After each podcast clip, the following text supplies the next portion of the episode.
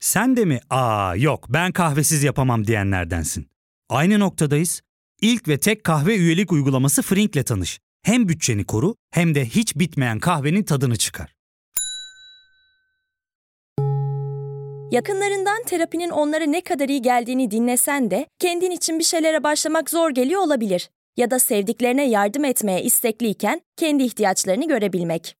Hayvel, uzman psikologlarıyla kendi ihtiyaçlarını bulmanda sana destek olacak. Terapi yolculuğuna başlamak için detaylı bilgi bölümün açıklamalarında.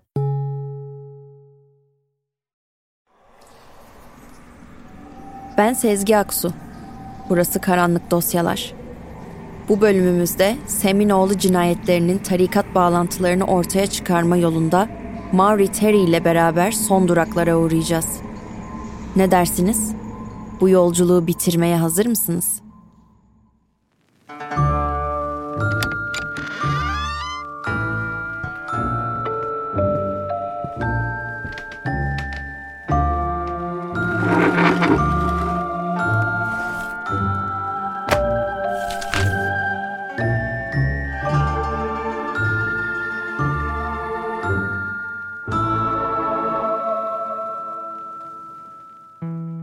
Mauri'nin ipuçları Kıyamet Kilisesi ve bağlantılı diğer tarikatlara çıkıp duruyordu. Konuşmayı düşündüğü tüm şüpheliler ölmüş veya öldürülmüş olduğundan Mauri iddialarını kanıtlayamadığı kısır bir döngüye girmişti. Televizyon programlarına çıkıp bildiklerini anlatmaya başladı. Zaman zaman alay konusu bile oldu. Saygınlığını giderek yitirdiği bu dönemde kilisede acımasızca katledilen Arlis Perry'nin kilisenin güvenlik görevlisi tarafından öldürüldüğünü düşünüyordu. Ama ne bunun ne de bu cinayetin tarikat bağlantılı olduğu iddiasının altını doldurabilmişti. Eli bomboş kalan Maury kendini içkiye verdi. Davanın peşinden koşmayı bırakıp kabuğuna çekildi. Yıllar süren sessizliği ise dedektif Marcos Kinones'in telefonu bozmuştu. Dedektif Marcos, Maury'e Berkowitz'le bir görüşme ayarladığı haberini verdi. Maury yıllardır hayalini kurduğu bu yüzleşmeyi reddedememişti. Bu onun itibarını kurtarması için son şansıydı. Peki Berkowitz ona istediğini verecek miydi? Maury kendinden emindi. Notlarını toparladı, son hazırlıklarını yaptı ve Sullivan cezaevine doğru yola çıktı. Berkowitz ve Maury ilk defa yüz yüze geleceklerdi. Üstelik herkesin gözleri önünde. Maury'nin yıllardır hayalini kurduğu röportaj gerçekleşiyordu. Tam 16 yıldır sessizliğe gömülmüş David Berkowitz, namı diğer Seminoğlu konuşacaktı. Kameralar kuruldu, mikrofonlar takıldı. Beni buraya kabul ettiğin için teşekkür ederim David. Ben teşekkür ederim. Nasıl oldu? Her şeyi en başından anlatır mısın? En başından mı? En başından. Peki. Ben istenmeyen bir çocuktum. Annem de babam da hiçbir zaman beni istemedi. Sonra Berkovitzler beni evlat edindi. Sevgi dolu bir aileydi. Hiçbir sorun yoktu. Hatta mükemmeldi.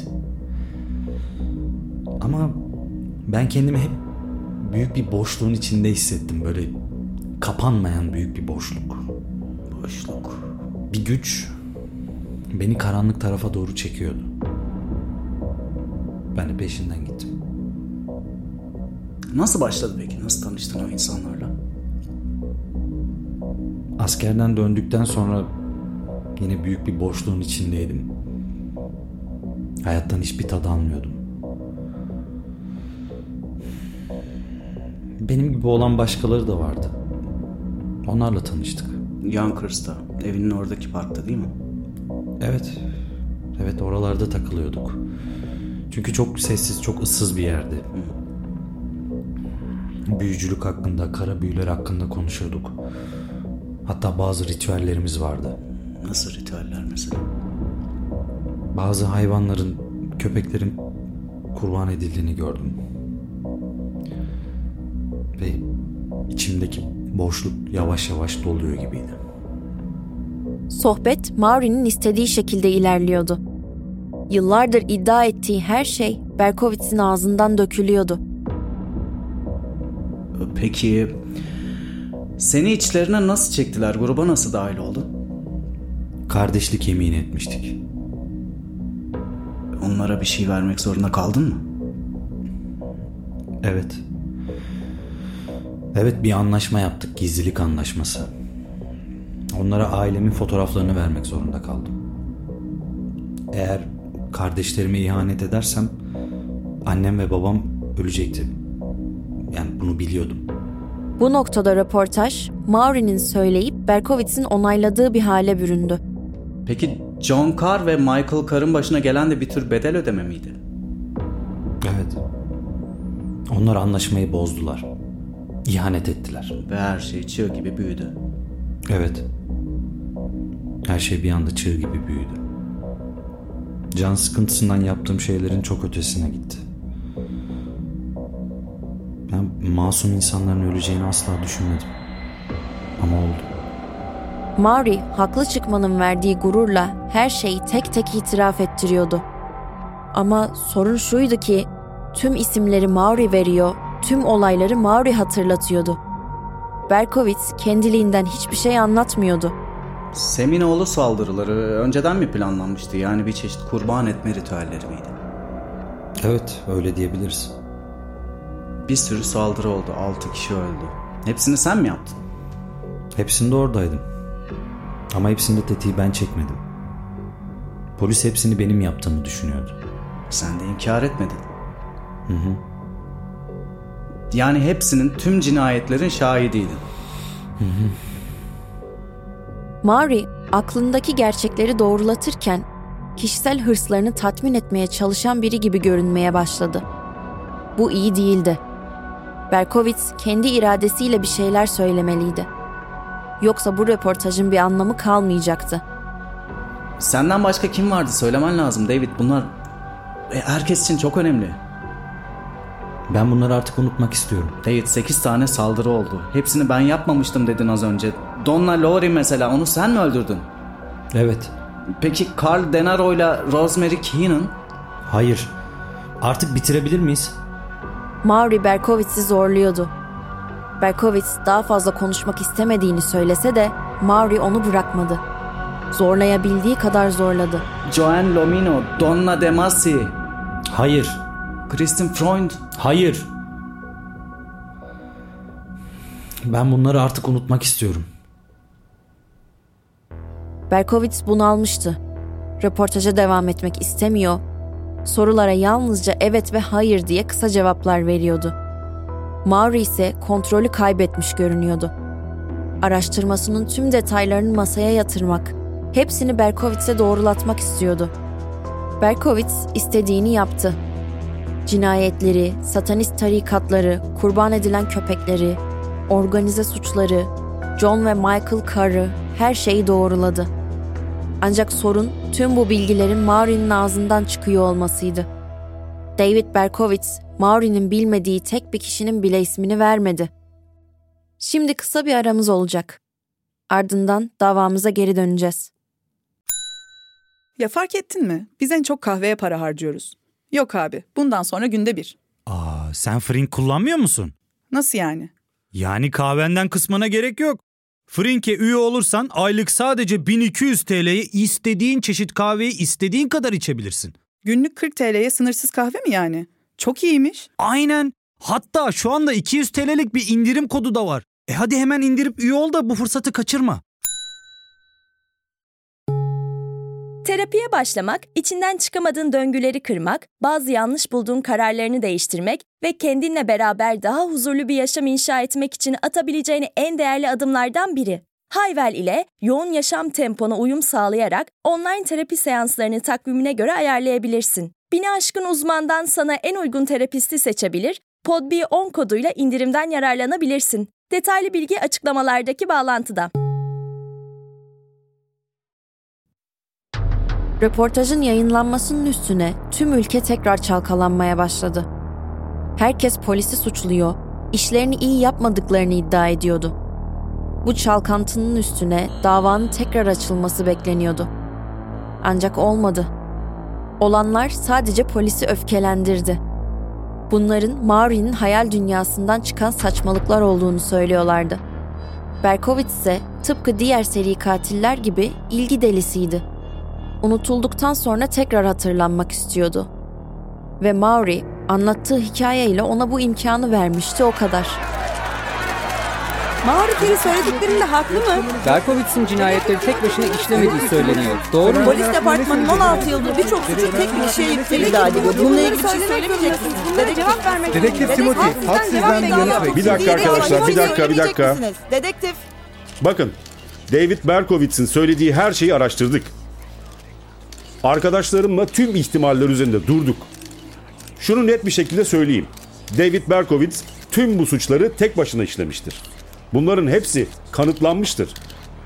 Şimdi bana bu son zamanlarda ortaya çıkan röportajdan bahsedip sorular soruyorsunuz. Bu sansasyon meraklısı bir medya maymunu ile ilgi arsızı bir psikopatın hayal dünyasından ibarettir. Lütfen bunlara itibar etmeyin ve artık şu davayı unutun. Adalet yıllar önce yerini bulmuştur arkadaşlar. Herkese teşekkürler. İyi akşamlar. Dedektif Timothy. Maury eline geçen bu tarihi fırsatı değerlendirememişti. Polisi ve hükümeti tamamen karşısına almış ve yolun sonuna gelmişti. Ama ona destek verenler de vardı. Kendilerine Pine Sokağı Çetesi adını veren ve gönüllü gazetecilerden oluşan bir ekip Maury'nin çevresinde toplandı.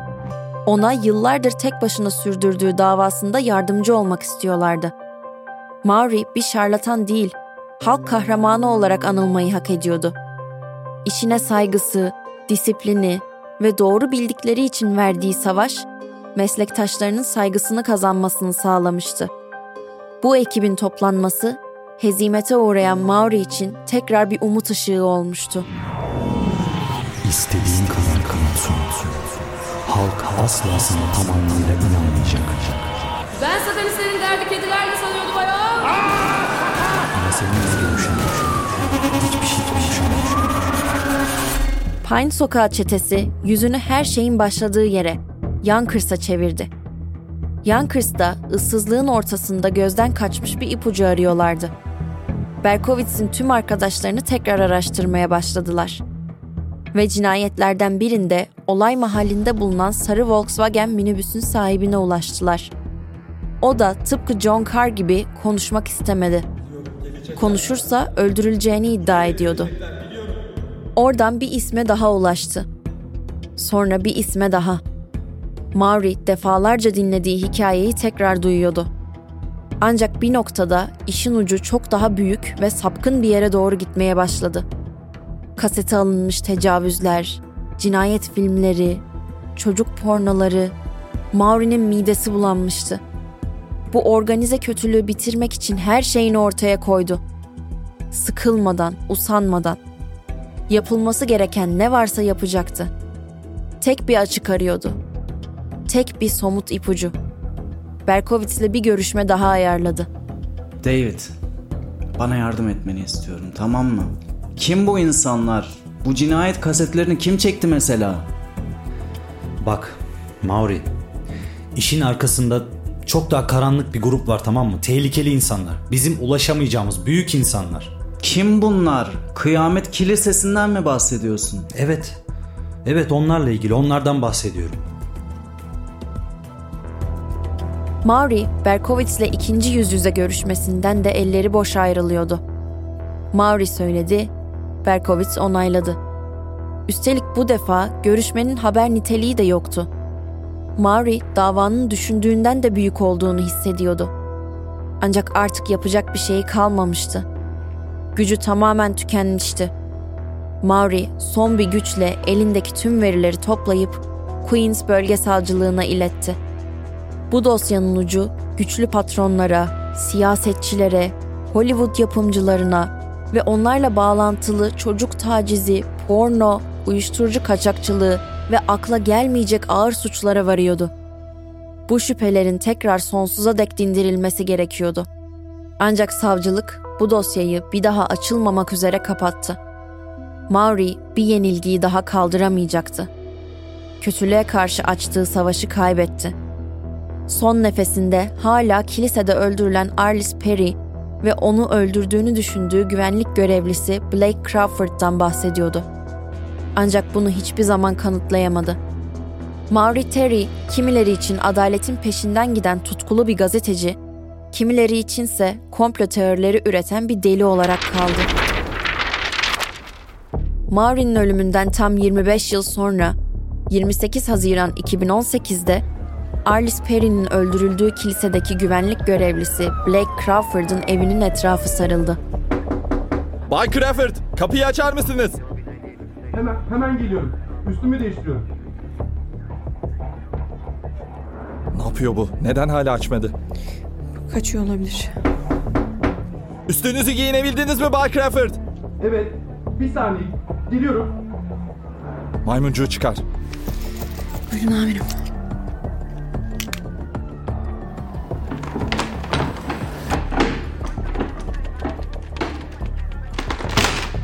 Silahı var, silahı var. Bırak o silahı. Blake Crawford orada kendini öldürdü. Yapılan açıklamalara göre Arliss Perry'nin öldürüldüğü kilisede yıllar sonra Blake Crawford'ın DNA'sına rastlanmıştı. Polis bunu 43 yıllık faili meçhul bir vakayı çözdüğümüzü bildirmekten onur duyuyoruz şeklinde halka duyurdu.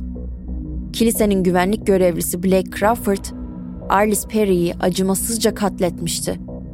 Tıpkı Maury Terry'nin iddia ettiği gibi. Ancak Blake'in evinden çıkanlar bundan fazlasıydı. Dolabının içinde sayfalar dolusu evrak vardı. En göze çarpansa Maury Terry'nin kitabı Ultimate Evil'dı. Maury'nin söylediklerinden en az biri kesin kanıtlarla ortaya çıkmıştı. Ancak onun peşinde olduğu bundan çok daha fazlaydı. Ve hiçbiri hala kanıtlanamadı. Kıyamet Kilisesi mensuplarından hiçbiriyle ilgili bir soruşturma başlatılmadı. Bugün hala Mauri'ye inanan gazeteciler tarafından kurulan Pine Sokağı çetesi, Kıyamet Kilisesi ve onun devamında gelen Çocuklar Tarikatı ile ilgili gerçeği arıyorlar. Bu dosyayı araştırırken biz de kendimizi Pine Sokağı çetesinden biriymiş gibi hissettik. Tek bölüm yaparız diye çıktığımız bu yolda yepyeni bilgiler, bambaşka isimler, akıl almaz bağlantılar çıktı karşımıza. Sonucun çözümsüz olması, David Berkowitz dışında hiç kimsenin ceza çekmemiş olması benim bu davayla ilgili en çok canımı sıkan nokta oldu. Bence Maury, basının ve polislerin söylediği gibi bir deli değil, gerçekleri ortaya çıkarmaya çalışan onurlu bir gazeteciydi. Kötülüklerinden çıkar sağlayanlarla savaşmaya çalıştı. Ancak yenildi. Siz ne düşünüyorsunuz bilmiyorum. Ama ben Maury Terry'nin bu savaşını destekliyorum. Bu kötülük karşısında çaresiz kalmak beni de delirtebilirdi. Philip K. Dick'in de söylediği gibi, belki de delirmek bazen gerçekliğe verilebilecek en uygun tepkidir.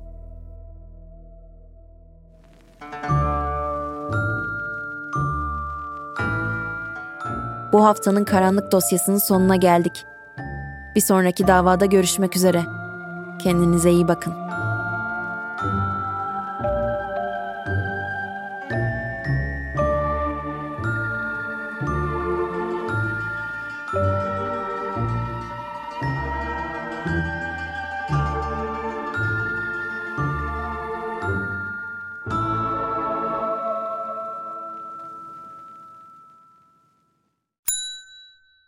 Ve tek kahve üyelik uygulaması Frink, 46 ildeki 500'den fazla noktada seni bekliyor. Açıklamadaki kodu girerek sana özel 200 TL'lik indirimden faydalanmayı unutma. Hadi sen de Frink üyeliğini başlat, kahven hiç bitmesin. Hem bugününe hem yarınına katacaklarıyla terapi yolculuğuna ve daha iyi hissetmeye bugün Hayvel ile başla. Açıklamadaki linkten Hayvel'i indir, ücretsiz tanışma görüşmelerinin ardından bütçene uygun seans paketini seç ve terapi yolculuğuna başla.